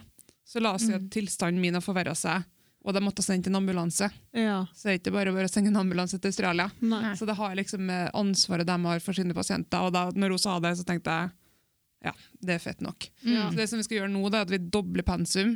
Så vi har en sånn her bok som vi jobber med, så vi har ett kapittel hver uke, mens nå har vi to kapittel per uke. Mm. Og så skal hun hjelpe meg å ordne sånn hjemmeopplegg for de resterende ukene. da. Mm. Mm. Går det bra, eller? Ja, det er det som har vært så utrolig Ja, men går det bra nå, liksom? Ja, Det som er vanskelig nå, er at vi dobla pensum forrige uke, og jeg fortsatt i jobb. Ja, men Mm. vil du ha en podpause? Nei, nei, nei. Nei, går bra? Det går bra. Ja, ja, ja. Mm. Det, det går bra. Hvis jeg bare rikler litt, så er det bare Nei, det går bra, ja. Ja. Takker som spør. Ja. Mm. Nei um, Ja, det er, det er mye. Og det er det som er, apropos hva som har forandra seg, så tror jeg det at i hodet mitt så har mye, så mye forandra seg. da. Mm. At um, jeg har jo eh, gått rundt og trodd jeg har vært gal. Mm. Og så plutselig får du bøker som forklarer hele barndommen din, Ja. oppveksten din, hvorfor du reagerer sånn som du gjør som et menneske nå som en voksen. da, Mm. Som har fått meg til å føle meg liksom, de gangene jeg har vært deprimert eller hatt selvmordstanker, så har det vært fordi jeg føler at jeg ikke passer inn, eller at det er noe fundamentalt galt med meg. da. Mm. Og så plutselig står det i bøker hvorfor du er sånn som du er. Ja. Mm. Um, og har jobba mye med grensesetting. Det å tørre å si nei. I Mm. nære relasjoner, f.eks. Hvis jeg er sliten. Nei, jeg vil ikke ha besøk i dag. Mm. Eller nei, jeg kommer ikke på familiebursdagen i helga for at jeg er sliten. Mm. har jeg aldri sagt i hele mitt liv. Aldri sagt nei til noe. Så det er på en måte å lære seg sånne ting. Så jeg føler at liksom jeg har fått briller, da. Og at jeg ser verden for første gang Mm. på eh, Ja. Og det å få beskrevet hvorfor du har det sånn som du har det. Ja, Altså, du får knagger å henge det på. helt utrolig. Det har vært sånn her revolusjonærende. Mm. At det er, og så står det igjen og igjen i den boka vi jobber med, det er ikke noe galt med deg. Mm. Du eh, handler normalt fordi noe unormalt har skjedd deg over lengre tid. Mm. Og bare de printer den hjernen din, da, så du på en måte til slutt begynner å tro på det sjøl. At uh, det er kanskje ikke meg det er noe galt med likevel. Mm. Så det har vært veldig ekstremt, ja, ekstremt fint, og da føler jeg at vi er så heldige i Norge. Og jeg skjønner at det er, altså jeg er jo veldig åpen om det her på sosiale medier. Mm. Um, flere årsaker til det. For det første har jeg lyst til å bane vei for andre. Fordi at for min del så krever ikke så mye å være åpen. Em, men da vet jeg åpen, så kanskje folk føler seg mindre alene, som kanskje kjenner seg igjen, men som Mm. ikke tør å si det offentlig. Da. Ja, absolutt. Men til mer du snakker om det nå, og til mer du liksom er åpen om det, så tror du noe mer på det sjøl da? Ja, og så er det Alt akkurat det det, også, at, deg, ja, liksom. for dere, Mm. dere har sett den eh, sprudlende glade Mari, sant? Ja. Mm. Men sånn er hun ikke hele tida. Nei. Det jo, går jo ekstremt opp og ned. Mm. Um, og i dårlige perioder før så har ikke jeg torsdag gått på butikken. liksom. Så har ikke jeg hatt mat, så har ikke jeg spist den dagen. Nei. For da torde jeg ikke å gå på butikken, mens nå tør jeg å gå på butikken, selv om jeg kanskje er hoven i ansiktet for jeg grenner hele dagen. Mm. Akneutbrudd. Det er jo for hormonene mine er jo helt Willy Wonka. Mm. Um, så de har jo et forskningsprosjekt som jeg skulle egentlig være med på, for de har diagnosen min heter kompleks PTSD. Mm. Um, og nå har de begynt å anerkjenne den diagnosen mer og mer, da, og drive og forske på det også mye i Norge. Mm. Og da annet på hvordan immunforsvaret altså Hvorfor er det så mye fysiologisk vi med den diagnosen strever med, kontra folk som ikke har diagnosen? Mm. Sånne typer problemer som man tester til legen, men så finner man liksom ikke noen årsak. Nei. Som akne, f.eks. Fordøyelsesproblemer, søvnproblemer, Mm. um, kløe, svie. Fysiologiske problemer som ikke på en måte har noen doktorårsak. Da. Ja? Så de forsker på det med syke og det fysiologiske, altså Mm. immunforsvaret. Og jeg som har strevd med Jeg har jo ikke sovet. Nå går jeg på medisin Mm. for å få til å sove. Og den tok ikke jeg i går, så jeg har jo ikke sovet ett Nei. minutt. Altså da, Ikke ett sekund. Nei, nei. Nei. Og da når du har en krevende jobb, da, så blir det en ekstremt dårlig sirkel. Så du Mm. sover ikke, sant? ja. Og nå da, pumper meg full med kaffe og Red Bull. Ja. Eh, og da er det jo altfor mye koffein i kroppen, så blir man nervøs, engstelig. Mm. Så blir man trøtt samtidig, så da orker ikke man å trene.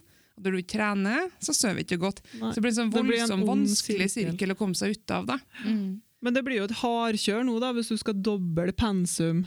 Men jeg går ut i ferie, så nå har jeg jo faktisk Ja, det blir litt annet. Ja. Mm. For det er jo som er sånn her, ja, Du må lese to kapittel, hvor jævlig vanskelig er det Mm. Men det er jo det at det er jo konfronterende materiale som står der. Ja. Um, det potensielt det, trigger, kanskje.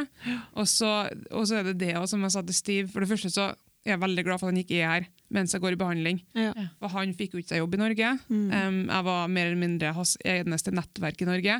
Og jeg, det ble så kvelende for Mm. meg, som har en krevende jobb, og så sleit jeg mentalt. Og så har du liksom en halvveis deprimert um, samboer hjem da, som Mm. ikke har noe sosial kontakt, så jeg ble hans hele kontaktnettverk. da. Ja. Så jeg følte meg helt kvalt. og bare, ja, det skjønner jeg. Flink pike der, da. ja, ja, skal tilfredsstille alt og alle. Ja. Uh, og det å på en måte sende ham hjem på et fly da han bare, jeg vil ikke fære fra deg, vi Mm. må finne en annen løsning, jeg vil at vi skal bo sammen. Og da brukte jeg sikkert to, nei, over, kanskje tre måneder Mm. på bare Magefølelsen min sendte jo det. bare Magefølelsen sa du må sende han hjem. du må sende han hjem. Og da ble det sånn her, Betyr det at jeg ikke liker ham mer? Er ikke er glad i ham? Er ikke er forelska? Hva er greia? Hvorfor vil jeg at han skal være hjem?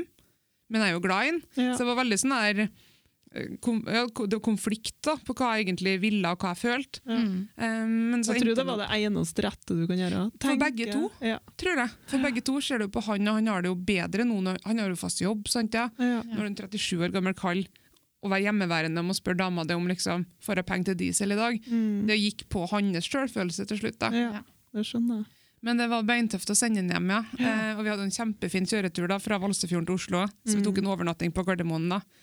Men da han lå bare og skrek hele natta. Ja. Å, Det han fikk jeg liksom. frysninger. Ja, og det...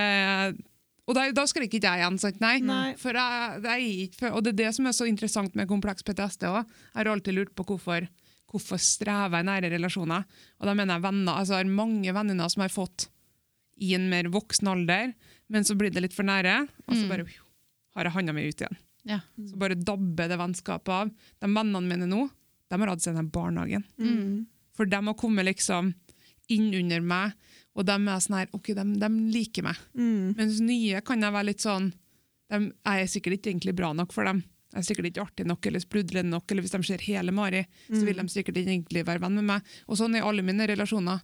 I familien min føler jeg det sånn. I alle kjæresteforholdene jeg hadde, føler jeg det sånn. Og det er jo en sånn der De sier at det er heller regelen enn unntaket Mm. at personer med kompleks PTSD har relasjon, relasjonsvansker da, og Mm. intimitetsvansker. Og det med selvsabotasje. Ja. Tidligere når jeg var yngre, hadde jeg sjanse på noen som var snill. Så var det ligge helst med bestekompisen hans for å Ja, ødelegge den fine sjansen, da, for at man Mm. tror ikke sjøl at man er verdt noe.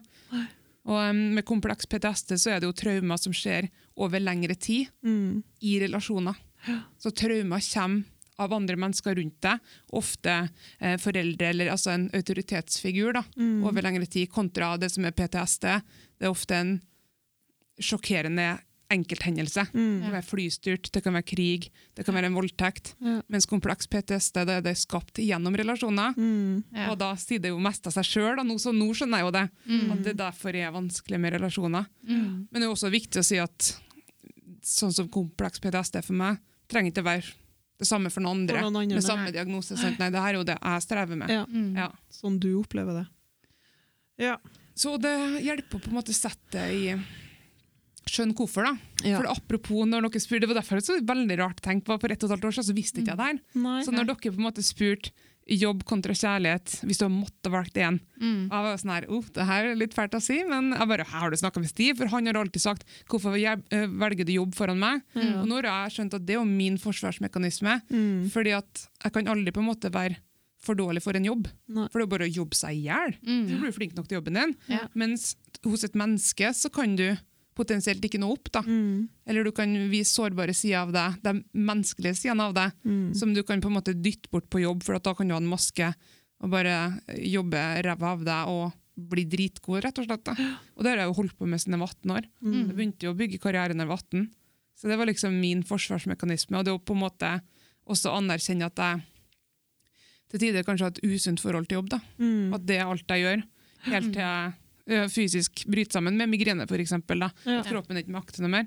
Mm. Jeg har ja, sittet mange netter Ja. og jobba for at jeg sover ikke. Så tenker jeg jeg må jo være produktiv. Mm. Så jeg ser jo ikke TV-serier, liksom.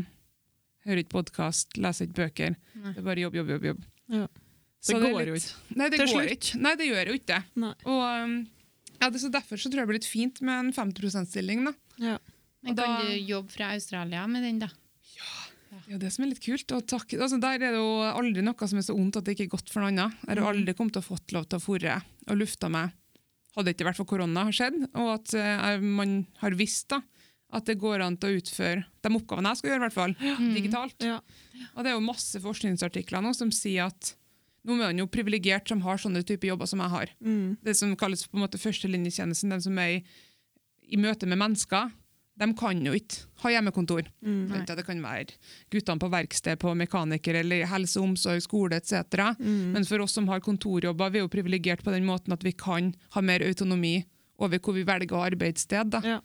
Sånn har nå korona åpna for mye muligheter. Veldig mye muligheter, og de sier jo nå at det som kommer til å skje etter korona, er at folk har fått en smakebit av hvordan det er å ha mer valgfrihet Ja. Mm. og mer fleksibilitet. Mm. Eh, og forskning viser, det de har forsket på hvert fall siste et og et halvt året, er at um, de fleste har satt pris på å ha fleksibiliteten. At de bestemmer sjøl.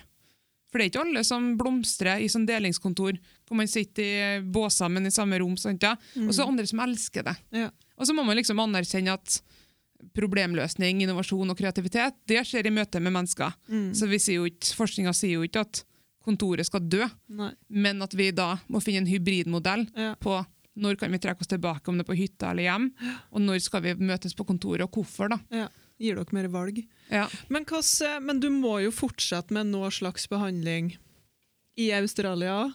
Ja, jeg har ikke Eller du må jo det, tenker jeg, for du er nå sikkert ikke i mål Nei, og det er jo det som er i august, liksom. Nei, jeg har jo funnet en fantastisk YouTube-kanal om kompleks PTS. Det er sånn her 500 videoer. Mm. Um, det er egen, altså, det, jeg tror det er egentlig en kristen foreleser.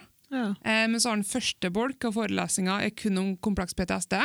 Og så sier han If you don't uh, want to hear about Jesus, you can just turn off now.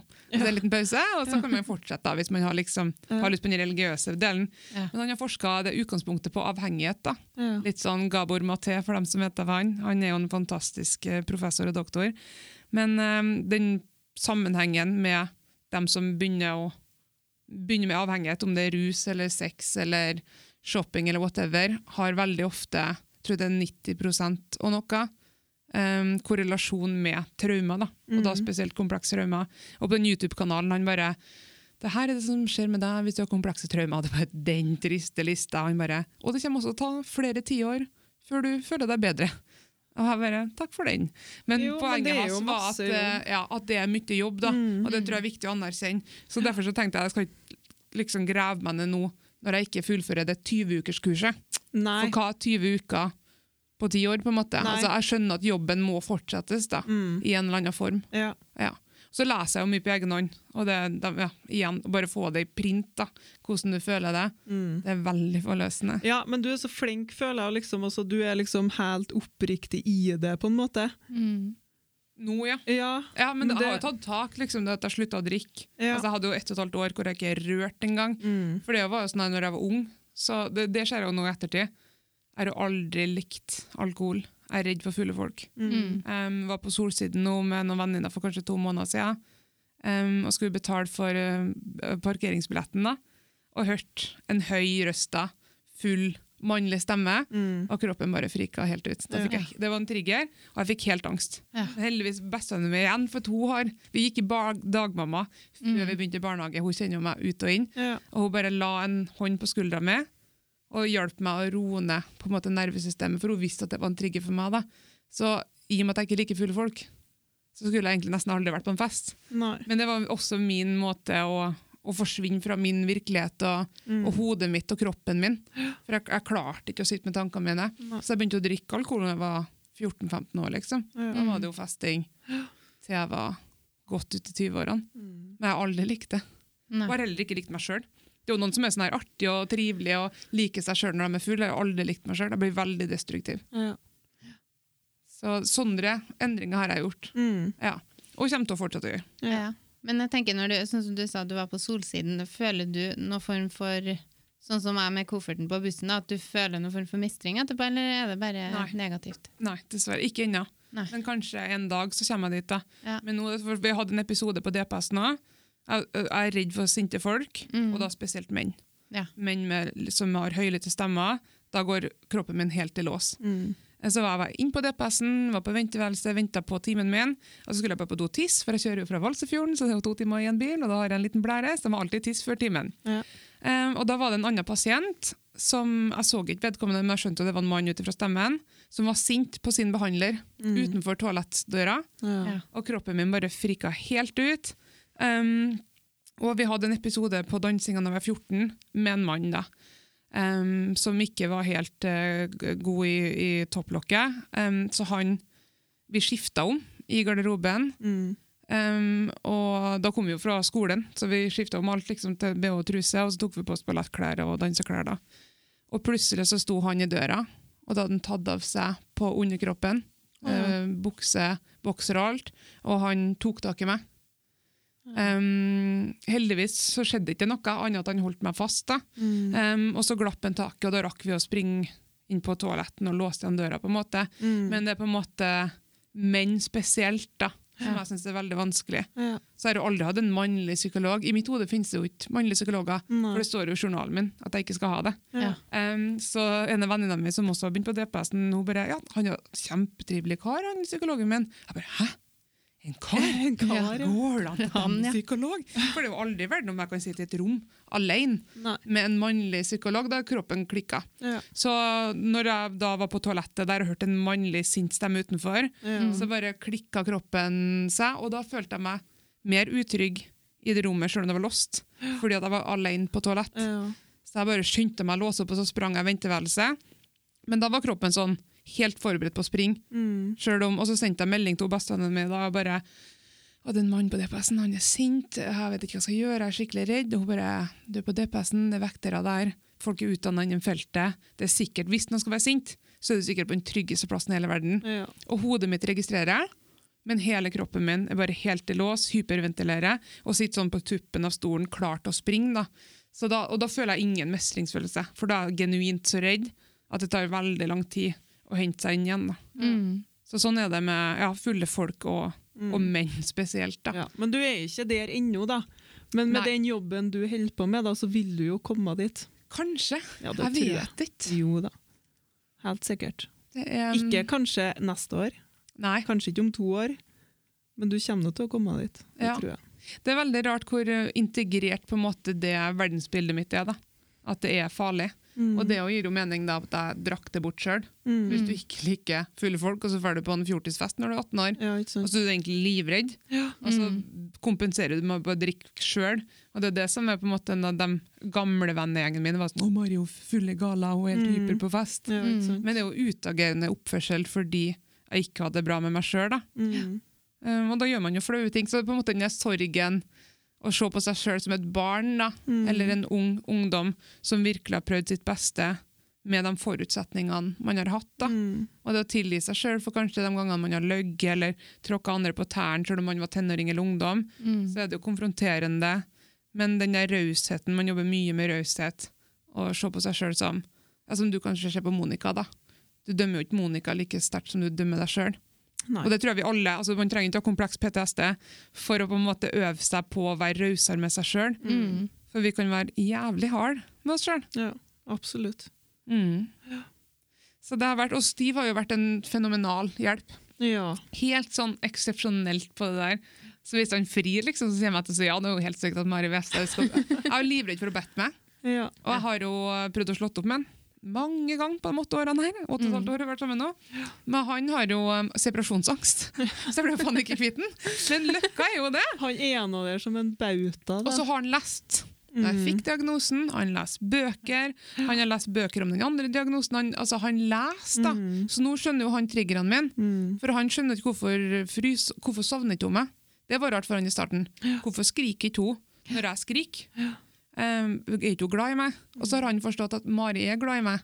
Men Mari sitt følelsesregister er annerledes. Mari er redd for ditt og datt fordi det her har skjedd. Men det betyr ikke at jeg ikke er bra nok. Det betyr ikke at hun ikke elsker meg. Så vi, um, ja, når du har kommet på en måte Vi har vært gjennom så mye med personlig utvikling at jeg har ikke kunnet tenkt meg en annen, hvis jeg får barn en gang, kunne aldri tenkt meg en annen barnefar. Nei. Eh, Jeg har veldig lyst til å, å være hans livspartner. Da. Mm. Så det er jo det veldig jeg. Koselig. Ja, det er nå det. er Bare den, det arbeidet han gjør med å forstå det, liksom. Det er jo ikke alle som er sånn. Nei, altså Ironien at han har jo traumer fra egen barndom. Mm. Så, men, men det er jo ikke ironisk igjen, for når du leser de bøkene, så har eh, mennesker med tilknytningsvansker da, har en tendens til å finne hverandre. Ja. Så de som ikke har hatt en stabil oppvekst, de får ofte tilknytningsvansker. Men så har man, jeg tror 70% av oss de har normale, sunne tilknytnings... em, ja, Mønsteret hjernen er som det skal være. Mm. Og så er det 30% av oss som er bare helt fucked. når det kommer til. Altså, ja.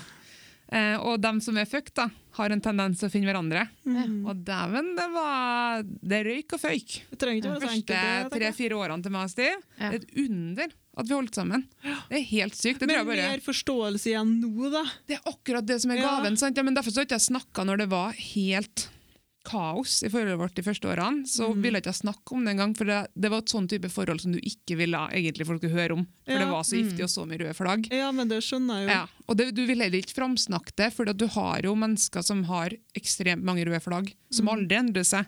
Av en eller annen grunn så hadde både jeg og Steve lyst til å på en måte bryte den generasjonelle trauma. da. Den Mm. trauma som ble felt ned til oss gjennom foreldre som sikkert hadde sine foreldre som sikkert hadde sine foreldre. Så det går jo ofte, Trauma går jo ofte i, i generasjoner. Mm. Mm. Og det er jo så mye spennende forskning. Jeg må bare si Gabor igjen. Hvis liksom noen som hører på det her, så syns det her høres spennende ut, da, så vil jeg google Mm. Gabor Maté. Eh, se på YouTube. Klippene der. Han har mange mange bøker. Og han forsker også på hvis du ikke gir slipp på traumene dine. De manifesterer seg i kroppen. Det kan være eh, revmatisme, eh, det kan være anspent muskler, migrene etc. Mm. Eh, og han har hatt svære forskningsprosjekt på kreft, autoimmune sykdommer, og, og det å holde igjen traumene sine, ikke bearbeide dem. Da. Mm. Så det er ekstremt viktig for sin egen del å bearbeide traumer. Og det er mye, og det legger seg i kroppen. Så jeg har subscriba, da, abonnert på en sånn her treningsform. altså Apropos hjemmetrening i disse koronatimes. Uff, jeg vet ikke jeg betaler for alt de der abonnementene mine. Jeg har gode intensjoner, da. Jeg er veldig lite på dem, egentlig. da. Ja. Men det er en sånn her dansing, yoga, som du skal liksom gi slipp på traumene. da. Og vi liksom rister på kroppen. For dyr, hva gjør de når de er nervøse? Rister på seg. Nettopp. Mm. Det er helt naturlig. Så det å jobbe med liksom, Du kan du, altså, dytte av deg, Ja. push, push på armene dine og på en måte børste av deg ting, Mm. eller rist på kroppen. Um, så det er, og det er TRA, nei, TRE, Trauma Releasing Exercises. Det kan man YouTube hvis det høres interessant ut. Så det finnes veldig mye forskning på det temaet. Og det er liksom Apropos den 50 %-stillinga som jeg frigjør nå, da, når jeg ikke har jobben min, den 50% så det er noe jeg har lyst til å studere litt mer. For jeg tror det er så mange av oss som har traumer på en større eller mindre grad, da, Mm. som jeg tror at kan få et bedre liv, Mm. og da blir et bedre menneske, ha det bedre med seg sjøl, og da blir man automatisk også en bedre forelder, eh, venn, Mm. eh, samboer, kollega. Altså, det har ikke noe å si. Det Jobben starter med seg sjøl. Så det er noe jeg har lyst til å studere litt mer, egentlig. Mm. Spennende, Mari. Ja, det er det. Livet er en reise som en tørnersti. Når jeg blir frustrert og Nei, det blir aldri noe bedre. Og det er jo kjedelig, sant? Og Du får setbacks, du får en trigger, Ja. så føler du at nå har du kommet så langt, Mm. Mm. altså bryter kroppen sammen igjen. Mm. Jeg hadde mine episoder hvor jeg greina bare blir aldri bra. og Mm. jeg bare, og Hvis jeg hadde tegna meg sjøl, så har jeg kommet til å tegne en fin, fin blomst som er helt svart i midten. Ja. Ser så fin ut på utsiden. Men så hvis de bare har kjent meg, så har de sett det bare svart, svart, svart. Ja. Og skrekker over det der til en stiv. da. Og da bruker han å si Vet du, Mari, et steg i riktig retning over tid, det blir et maraton. ja. da. Så han gullkorn. ja, men det vil være nederlag og noen steg tilbake Mm. når en holder på arbeidet som der. Mm. Ja. Så Og så tror jeg den der bare. følelsen av at annerledeshet er kanskje den såreste. da. Ja, Hvorfor, absolutt. hvorfor kan andre drikke? Hvorfor kan Mm. ikke jeg drikke? Mm. Eh, hvorfor er jeg redd når jeg er på solsiden når jeg er 30 år? Mm. Altså, ja, hvorfor, hvorfor, hvorfor du føler den utenforskapet, da, Mm. som er kanskje en potensielt litt farlig følelse. Mm. For det er jo det som kanskje fø- kan føre for noen depresjon eller nummenhet, at man føler at man ikke hører til. Ja. Og da har jeg strevd at jeg føler at jeg hører ikke helt til familien min. Hvorfor er ingen andre halvsøsknene mine? Hvorfor strever ikke dem? Mm. Hvorfor er det meg? Da må det jo være noe galt med meg. Sånn har det vært. Ja. Og så har du den boka. Nei, det er ikke noe galt med deg. Ja. Normale reaksjoner på unormale hendelser. Ja. Altså, De sier det igjen og igjen og igjen. og igjen. Så takk og pris for at du gjør DPS. Ja, Ja. absolutt. Men så skal det jo si at jeg starta DPS i 2011. Det er ti år siden. Og det kan jeg bli trist av. Jeg bare, Faen, kødder du? ja. En tredjedel av Men livet da var det noe på et helt annet vis. Helt annet vis. Og mye yngre. Ja, Altså 20 år. Ja. Og det, jeg hadde jo fått diagnosen min i 2012, Mm. men jeg ble aldri opplyst om det. Nei, Om det var sant? kanskje en glipp eller feil, så tenker jeg fytti grisen så bra. At 21 år gamle Mari ikke fikk en diagnose. ja. For 30 år gamle Mari klarer å forstå at det her er bare en tittel på noen symptomer her, som forklarer ting. Mm. Mens kanskje en 21 år gammel Mari har trodd at oi, det her er meg. Mm. Kanskje har ikke jeg tort å dra til Australia, da, som jeg gjorde i 2013. Altså, Hvem vet hva det Ja. hadde hemma meg? ja, Så det er noe med det der uh, divine timing, som vi spirituelle yogalærerne sier. Mm. Universet sin energi. og at det må vi bare stole på det. ja. At det, at det skjedde i det riktige tidspunktet. ja, det var en mening med det. Mm. Men apropos yoga, Ja. så skal vel du veie også På Kumbaya, my Ja, du skal være også Kumbaya. bli litt halleluja. Ja! Ja. Og elsker det. Vet du, det, det gir meg mening, da. Når jeg på en måte sitter der i en sirkel, og vi bare ommer og synger. Og, og da er det sånn en påminnelse til meg sjøl. Jeg føler at da, da kommer jeg på at jeg er en del av noe større. Mm. Så det, det med spirituelt, og det er viktig for meg. da. Ja. Og, men det har jeg jo ikke. altså Mine barndomsvenner er ikke interessert i det der. Og det er ikke noe galt å ikke være interessert i det. Men når du plutselig møter et sånt miljø som liker samme tingene Mm. Samme nyttårsaften har vi satt bare og chanta og Men jeg tenker at det må være så godt det, å ha noe som bare du liker. mm. Eller som du kanskje ikke trenger å dele med vennene dine. Nei, og så tørst du På denne yogafestivalen så det, altså det er jo tre yogatimer om dagen. Mm. Ulike. eh, Så kommer man på dagsformen din. Noen er jo skikkelig glad i den energiske yogaen. Mm. Jeg liker litt med sånn squishy-yoga, kose oss litt. kan ikke gjøre så vondt. Litt sånn der er jeg. Ja. Og så har de også coaching, da. Og da hadde jeg en sånn helt fantastisk opplevelse på coachinga, for da, kunne, da satt vi i en delingssirkel, Mm. og de som vil dele, de kan dele. Så en coach som snakker om ulike teorier og ditt og datt. Og så tenkte jeg, faen det her, så begynte han å snakke om skam Mm. og skyldfølelse. Og det er to følelser som jeg har hatt i hele mitt liv, Mm. som har på en måte, ja, hvis jeg skulle på en måte funnet noen fellesnevnere, noen ord som har gått igjen om hvordan jeg føler med meg sjøl, Mm. så er det skam og skyldfølelse som har gått igjen. Mm. Og da holder på å snakke om ja, depresjon og ditt og datt. og ditt og datt. Eh, disse kan du også alltid endre, ikke så farlig. Men de to s-ene, skam og skyld, kan ikke du kødde med. Og da, da ble jeg så jævlig nysgjerrig. Jeg bare, Hæ? Akkurat de to ordene som beskriver meg? Ja. Sånn har jeg hatt det siden jeg sikkert vært to år. Hva er greia? Og så rakka jeg panna, og så delte jeg Ja. ting jeg ikke har delt med mine nærmeste venner. Og, og det tror ikke jeg torsa. Har det vært kjentfolk der? Nei, det Men fordi det. det satt en sirkel med fremmede, men samtidig så var på en måte rommet høres så klisjé ut da, men fylt med kjærlighet for at alle var der av ulike årsaker. Mm. For det er jo litt sånn. Ja. Ikke alle, men jeg vil si kanskje 70% som drar på sånne plasser, er alternativ, eller i hvert fall åpen for ting. da. Ja. Mm. Um, og Da begynte jeg selvfølgelig å skrike, for det var veldig veldig sårt. Um, og en coachen liksom guida meg gjennom en session jeg skulle visualisere, og lukke øynene, og dit og datt, og tårene bare strimla. Mm. Og så åpna jeg øynene, og så ser du bare så mange som kikker på deg um, med liksom kjærlighet, og noen skriker sjøl og kanskje kjenner seg igjen, eller kanskje noen bare ble rørt av historien. da. Mm. Og det tror jeg har vært med, liksom, det skjedde jo i juli i fjor, da jeg var på yogafestivalen der, og det tror jeg var start på den endringa jeg har vært igjennom. Mm. Så det har liksom vært mange ulike ting da, Mm. som har uh, hjulpet. Mm. Og det å tørre å si det høyt, og der var det jo ikke. Altså den énmeteren, den ble jævlig kort til slutt. Vi lå jo og spuna, liksom, og alle der. Du har ikke trivdes. Altså, har du hatt bakterieangst, så må du ikke komme der. Altså, vi sitter og kikker på hverandre, da. Og så skal vi bare stirre på hverandre liksom i et minutt. Ja. Sånne rare ting som, altså, Det er jævlig konfronterende. Mm. For hva gjør vi hvis vi har ett sekund? Når vi satt og venta på Monica, Ja. og på mobilen. Ja. Scrolle. Vi sitter ikke og ser, ser i øynene mer, og i hvert fall ikke se i øynene og være stille. Og det er jo en sånn her konfronterende ting, for du føler at du blir sett som et menneske. Mm. Hva er det vi er mest redd for i hele verden? Det er å bli sett for den med. Mm. Det er derfor så tuller vi, skratter vi, har på sminke og skal være så sprudlende. Og så plutselig sitter du der ansikt til ansikt med en fremmed Mm. og blir kika på. Mm. Og det er jo sånn at mange opplever at de begynner å skrike. da. At gråten bare kommer, for du får det menneskelige med å, å se den i øynene. Mm. Mm. Så det, jeg syns det er veldig fint. Ja, det høres helt fantastisk ut. Men nå fer du på mandag, Til Lofoten, ja. ja, og, Loffa. og da fer du hent alene? Nei, da skal jeg faktisk Um, Min brors venninne Ja. er sammen med min søster, og de har et barn. De har Ja. to barn. Ja. Så vi skal besøke vår felles eh, tantebarn, Ja. meg og min venninne, Ja. som har fått seg sommerjobb i Lofoten. Så da er det bare kosetur, liksom. Aldri vært noe for Levanger. ja, ja, det var ikke yoga nå? Nei, nei, nei, det, er- det er juli, det. Åtte ja. dager i juli. Jeg trodde du skulle på yoga nå. Nei, nei, nei. nei. Nei, ok. Ja, det blir bare kosetur, da. Ja, det blir bare kosetur. Ja. og på litt fjell. Har fått, apropos høydeskrekk, jeg har fått høydeskrekk jeg òg, og flyskrekk. Det Jævlig Ja. irriterende. Ja. Ja, det får du vi nå kurert i Lofoten. ja, det er jo fare for det. Men Hvis du kommer deg opp, da. Jo, det er det Med alle haugene av bæsj og sånn. Ja!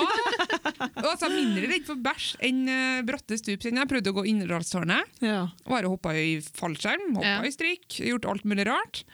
Og så plutselig skal jeg gå Inderdalstårnet, og kroppen min frøys. Oi. ja, nå? Ja, fire, når vi kom flyttende til Norge for Ja. fire år siden. Ja. Jeg kom ikke meg opp siste, jeg kom til krattet, liksom. Og når du skal klive opp siste etappen der, kroppen bare helt Jeg skulle til å si det er fordi du blitt 30, Mari. Men det er Ja, men det er år noe siden. med det. Ja, men du har vært grå, grå for to år siden. Plutselig at jeg sitter og svetter. Så jeg To år siden! Herregud, det er mange år siden. Jeg, har vært- Nei, men du, hallois, det er jo 28.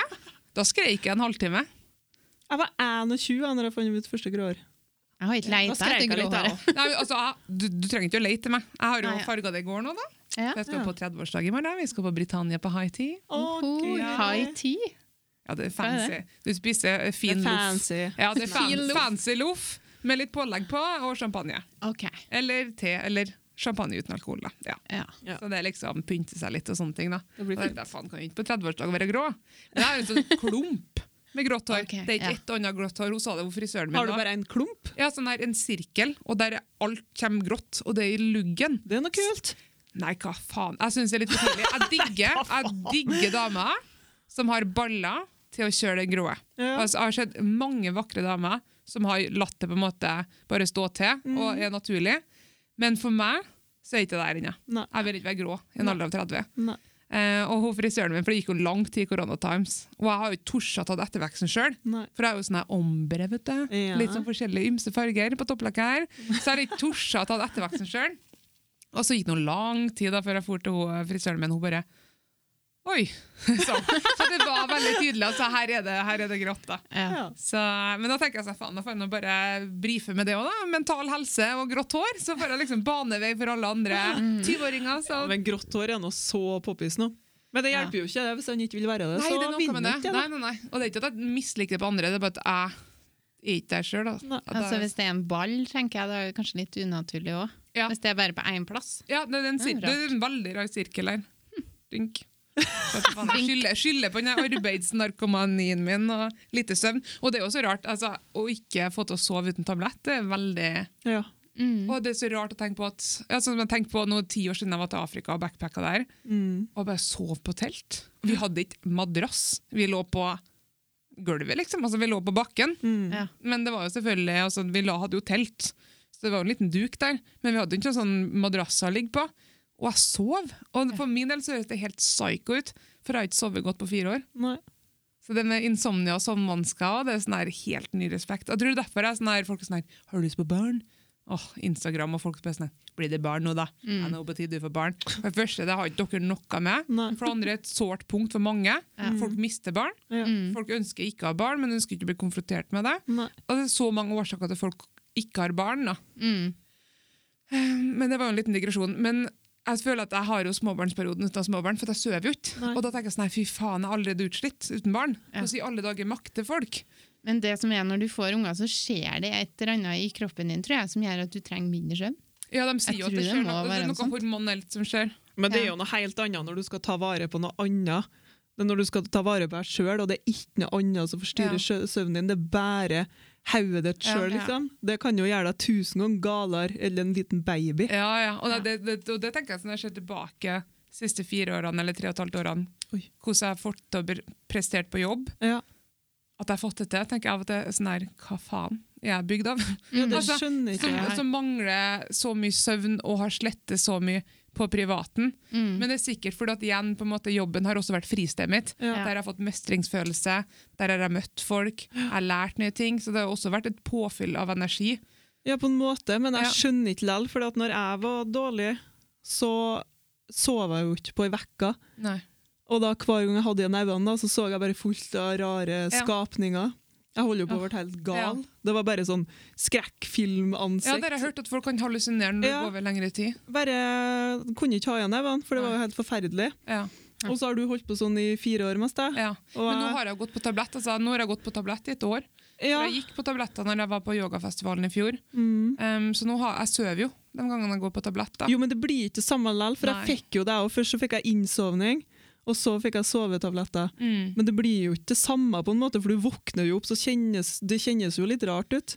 Ja, du blir jo annerledes. Og det er jo en form altså, Du får jo ikke den gode søvna som du har Nei. når det kommer naturlig. Og så blir du litt sånn trøtt på morgenen. Jeg jo, liker jo egentlig å stå opp tidlig. Jeg er Mm. sånn her, yes, å, Mm. Soloppgangen og litt sånn yogaenergi på morgenen. Ja, Ikke F om jeg gjør yoga på morgenen. Nei. Altså, jeg har ikke beveget på skrotten, for at jeg er så trøtt i kroppen. Ja. Sikker på grunn av medikamentet. Ja. Og da er sånn her, ok, Skal jeg prioritere å bruke den bitte lille energien jeg har på yoga, eller skal jeg bruke den bitte lille energien på jobb, som betaler regningene, og som også min mestringsstrategi? Ja? Rett på jobb, sant? Ja. Da er sånn, nei, nei, begynner med yoga neste uke. Og så har jeg ikke gjort det. Jeg var jo på yogafestivalen i ja, det var nyttårsfeiringa mi. Mm. Var jo ferdig på yogaen igjen. Eh, Og da kjenner du rutine, og så tenker du det her skal jeg gjøre hjem. Og så Mm. gjør ikke man det hjem. Nei. Men så er det også konfronterende. Sitte på matta for seg sjøl og rulle. ja.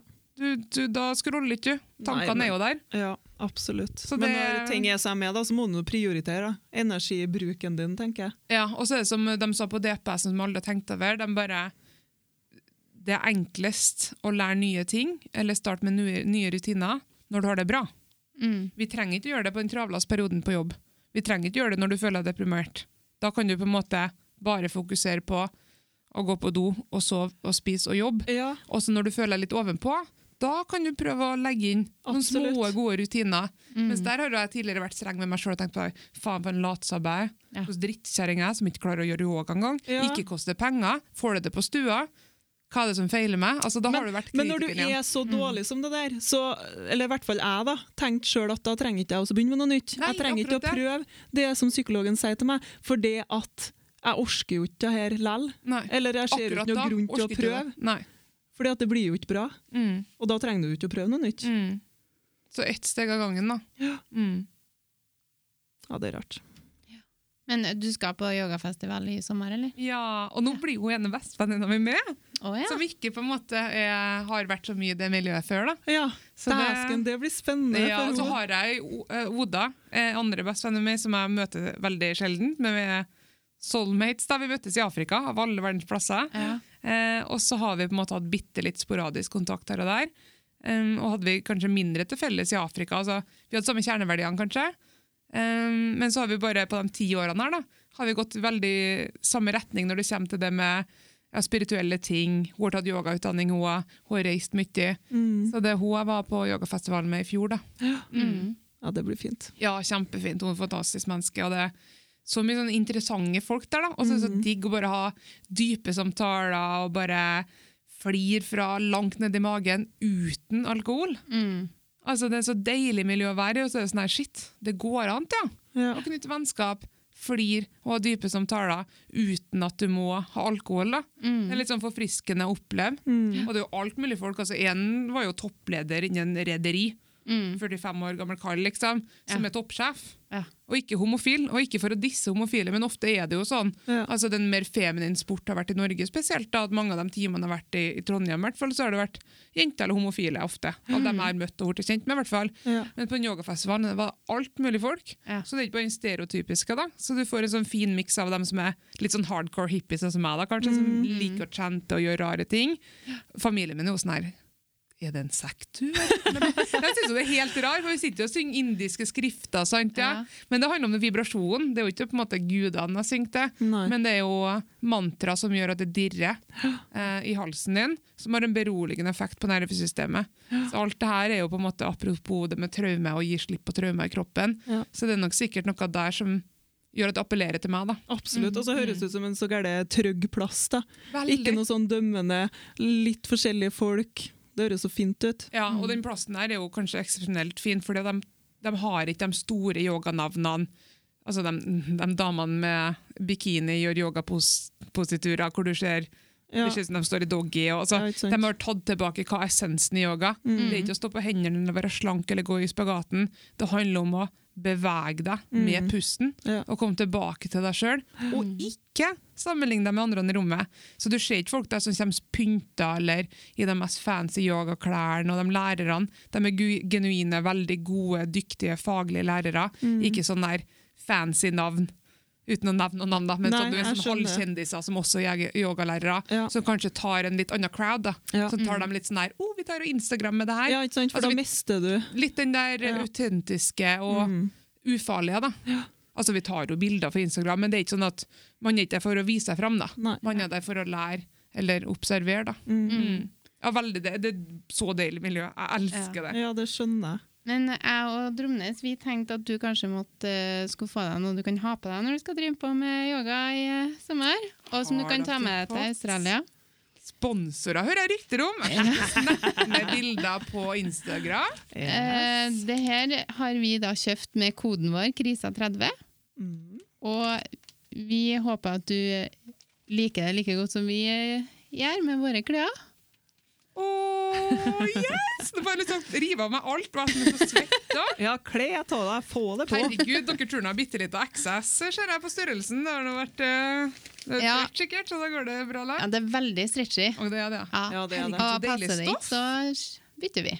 Er det merket We Are? We are We er fit. fit, vet du. We Are Fit. Vet du, Det har jeg aldri prøvd. Ja, Jeg er kjempefornøyd. Ja, det er så godt å ha på seg. Og så må jeg bare si her da, til yogafolk som ikke liker camel toe, sånn som meg, så må jeg si at We Are Fit-buksene de har ikke søm i skrittet, de har den gylne trekanten, så da Ja. slipper du at fettet henger og dingler når du gjør yoga. Fetta mi har ikke dingla på tur. Nei, ikke mye. Herlig! Å, herregud!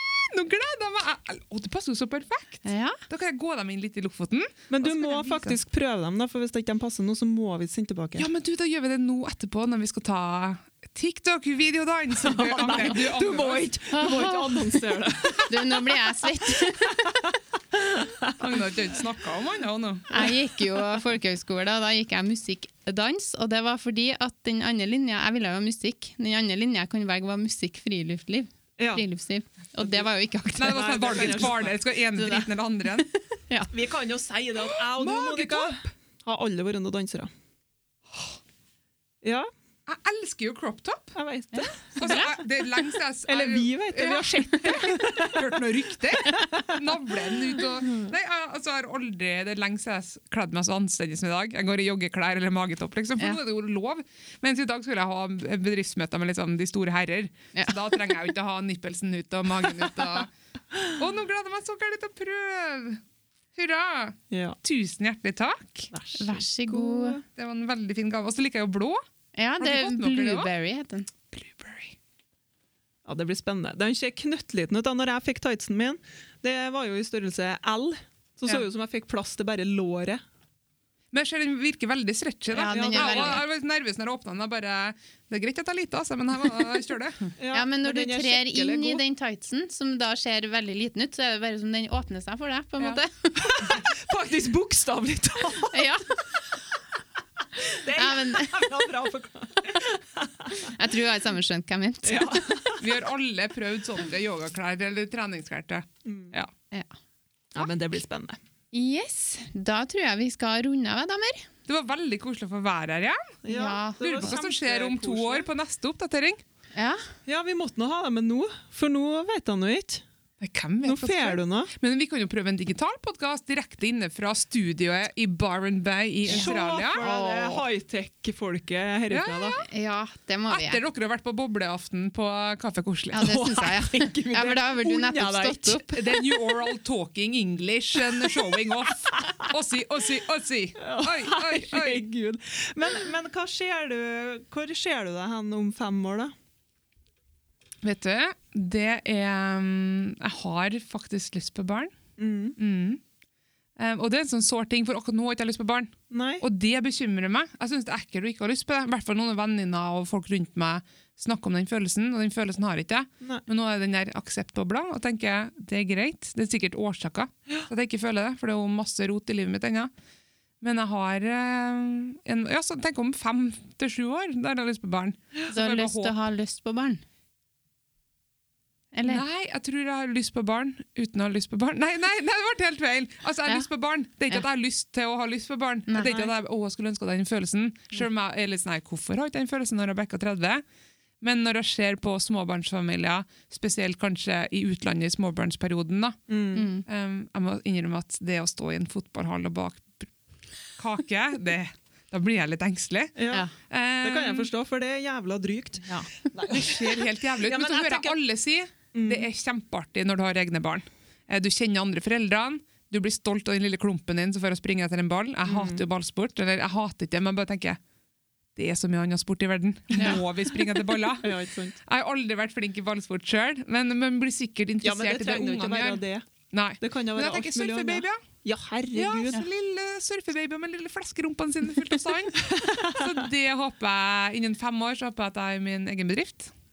At jeg jobber fortsatt med um, å hjelpe andre til å få det bedre med seg sjøl. Mm. Altså, det er ingenting som gir meg mer glede, og tårer, da, glade tårer, når jeg får fine meldinger på Instagram um, om at jeg kanskje har hjulpet noen andre, Mm. eller at de sjøl nå ja, en av oss sendte en takkemelding forleden dag for at mora hennes har samme diagnose som meg. Og Ja. bare 'herregud, takk for at du har vært så ærlig', for at jeg har lært så mye om mamma gjennom det du har lagt ut. Ja. Så har jeg også vist fram kontoen din til mamma, så mamma har også fått hjelp. Og da sånn her, shit, det her er det jeg vil jobbe med. Så hadde jeg foredrag for tiendeklassingene her på Sodin skole nå før jul. Og bare se det lyse ut av øynene til ungene, da, for da snakka jeg om at livet faen ikke er enkelt. Mm. Og jeg begynte opp i videregående på salg og service, for jeg skulle bli turguide på Granka. Ja. Men sånn gikk det jo ikke. Det er liksom snakk om at veien blir til mens man går. da. Og det er helt normalt å tryne. Det som er viktig, er at vi kommer oss opp igjen. Ja. Ja. kanskje har litt skrubbsår og blåmerker, men på en måte det der gir meg så mye. Så jeg håper på at jeg kan jobbe mye mer med mental helse og, og holde foredrag og gjøre ting som på en måte er genuint brent for. Mm. Og så er det sikkert ja, innen fem til seks år så håper jeg at jeg får egne barn. da. Så det er jo veldig spennende. Spennende, Sånne ting som jeg ikke har tort og ønske for meg sjøl før. Ja. For at jeg følte at jeg, hvordan grusomt menneske jeg er. Jeg kan ikke ha barn. Så det er bare det at jeg tør å si det høyt foran dere. liksom. Mm. Føler jeg viser hvor langt jeg kommer på siden jeg var for ett og et halvt år siden. Da. Mm. Absolutt. Så det kan ikke jeg snakke noe mer om, for da begynner jeg å skrike! Jeg sitter med frysninger igjen, så det Nei, Nå må vi prøve på We Are Fit-klærne våre. Ja, Yes. det må vi faktisk. Har dere dem, dere? Jeg har med mine, ja. Uhu! Ja, Og vi er jo i huset ditt, så du har dem i skapet. Hvis ikke så er noen noe noe veldig gærne. Stig kanskje har dem. Har den på Ja. sommeravslutninga si. ja. Så comfy at Stig tok dem. Ja. Nei, men takk for meg. Det var så koselig å være her Ja, Ja. kjempekoselig at du kom. Smask Tusen takk. Eller sleik på mikrofon. Ja, jo, det har vi gjort. Ja. Unnskyld, Monica. Nei, det går fint. Nå blir det sånn karantene. Nå skal jeg sette opp sånn bånd foran døra her. Ingen som får inn på 14 dager. Nei da, nå maler vi meg veldig sånn baskelusk-hysterisk, men det er jeg ikke. Den søteste baskelusken. Ja. ja. Takk for at du hørte på tre... Ja, nå får jeg til å snakke nå. Nei. Takk for at du hørte på 30-årskrisa med Monica og Agnete og Mari. Ja. Eh, Så snakkes vi snart igjen. Det gjør vi. Adjø. Adjø. Morn, morn.